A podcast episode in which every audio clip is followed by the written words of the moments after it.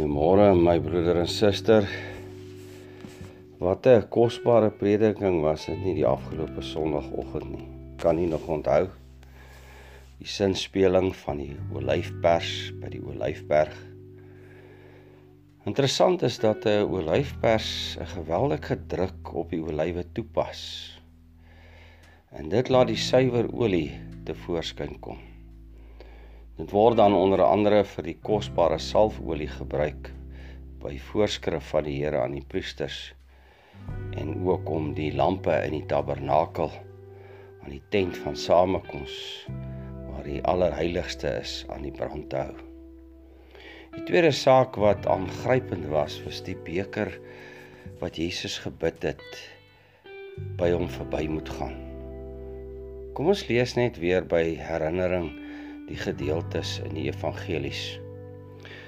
Markus 14 vers 34 wat ons ook Sondag in die preek gehoor het, verhaal die volgende. En hy sê vir hulle: My siel is diep bedroef tot die dood toe. Bly hier en waak. En toe hy 'n bietjie verder gegaan het, val hy op die grond en hy bid dat as dit moontlik was die uur by hom sou verbygaan. En hy sê Abba Vader alle dinge is vir u moontlik neem hierdie beker van my weg. Nogtans nie wat ek wil nie maar wat u wil. Matteus verhaal in hoofstuk 26 vers 38 tot 39 Toe sê hy vir hulle My siel is diep bedroef tot die dood toe. Bly hier en waak saam met my. Hy het 'n bietjie verder gegaan en op sy aangesig geval en gebid en gesê: "My Vader, as dit moontlik is, laat hierdie beker by my verbygaan. Nogtans nie soos ek wil nie, maar soos U wil." Lukas 22 vers 41 tot 44 verhaal die volgende. En hy het hom van hulle afgesonder omtrent so ver as 'n mens met 'n klip kan gooi en neergekniel en gebid en gesê Vader as u tog maar hierdie beker van my wil wegneem laat nogtans nie my wil nie maar u wil geskied en 'n engel uit die hemel het aan hom verskyn en hom versterk. En toe hy in sware stryd kom, het hy met groter inspanning gebid en sy sweet het geword soos bloeddruppels wat op die grond val. Tot sover. My broeder en suster, wat was in die beker wat Jesus so beangs maak dat sy sweet soos bloeddruppels op die grond val hier in Getsemane? By die olyfberg waar die olyfberg staan. Het ek en jy ook al daaraan gedink dat hy hier staan as sondelose mens? Wat van sy geboorte tot hier waar hy nou staan in die tuin waar hy gereeld kom bid het, absoluut onbevlek voor sy Vader staan.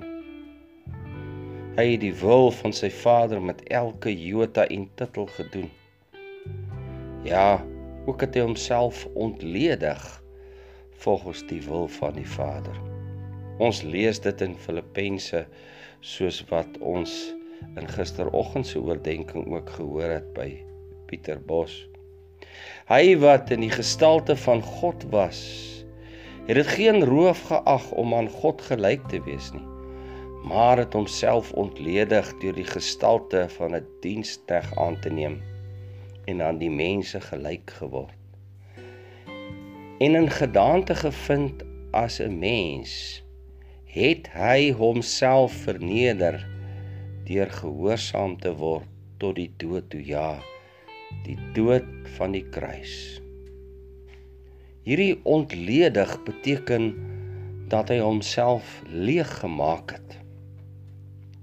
1 Petrus 2 vers 22 tot 24 sê hy wat die sonde wat hy wat geen sonde gedoen het nie in wie se mond geen bedrog gevind is nie sê vers 24 wat self ons sondes in sy liggaam op die kruis het gedra het sodat ons die sondes kan afsterwe en vir die geregtigheid lewe deur wie se wonde jy genees is. Hier staan Jesus in Getsemane ontledig, leeg gemaak van homself. En hier voor hom is 'n beker wat hy moet drink. En hierdie beker walg hom. Hy breek in sweet en angs uit. Psalm 116 wat al net nou aan die nagmaalstafel gesing het sê angste van die hel het my laat bewe ek was benoud en vol droefheid my broeder en suster in hierdie beker voor hom is ingeskink jou en my sonde wat so waaglik is vir die sondelose lam ja die sonde van al die uitverkorenes van God is in die beker. Die van nature haat van God in my naaste. Dit is wat Jesus in sy ontledigde liggaam moet inneem. Moet drink tot die laaste druppel terwyl hy weet wat die gevolge daarvan is. Die ewige dood en angs van die hel. Hy weet dat die sonde van ons soos 'n lont is wat die toren en die wraak van sy vader skielik laat ontvlam en oor hom sal laat uitbars. En dan staan daar nog dit het God behaag om hom te verbrysel. Hoekom Here wil 'n mens uitroep? En dan onthou jy want so lief het God jou en my gehad dat hy sy enige gebore seun gegee het sodat elkeen wat in hom glo nie hierdie beker hoef te drink nie maar die ewige lewe kan erf kom ons dank saam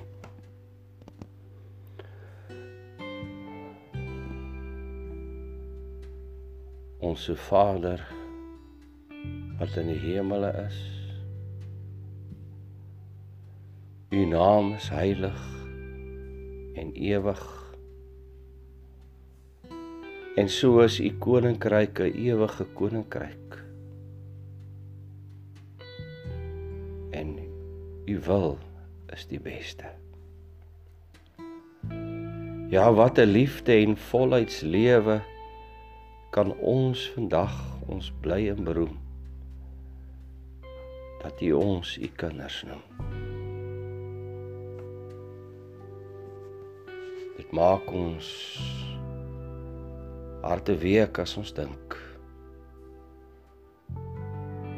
wat ons sondes u gekos het. Maar dit help ons om ook te verstaan en te verdiep in ons dankbaarheid. Ons dankbaarheidslewe teenoor u. Ag Here, ons dra ons gemeente aan U op, elke lidmaat.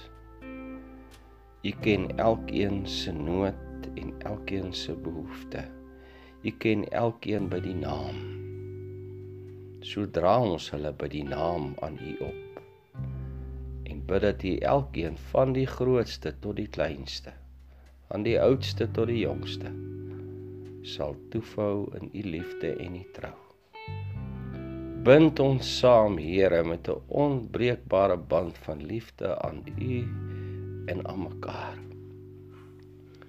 En gee dat die voorbeeld wat Jesus ons gestel het, wat homself ontledig het, dat ons onsself ook sal ontledig van ons eie eer en ons eie waan en ons sal vul met dieselfde gesindheid wat daar in ons Here Jesus was. O Here dat ons as gemeente sal groei en sal toeneem in liefde vir U en liefde vir mekaar. Dat ons die een die ander hoër sal ag as onsself. Vergewe ons Here ons sondes, vergewe ons ongeregtigheid. Vergewe ons tekortkominge. En lei ons tog nie in versoekings wat te swaar is vir ons nie. Verlos ons van die bose. Want aan U behoort die koninkryk en die krag en die heerlikheid tot in alle ewigheid. Amen.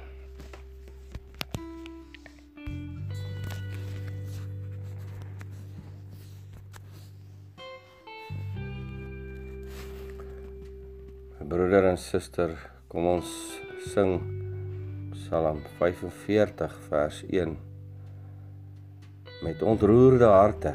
My hart ontroer deur mymering sal lieflik van 'n koning sing. My tong deur digvuur aangedryf soos 'n pen wat vaardig skryf.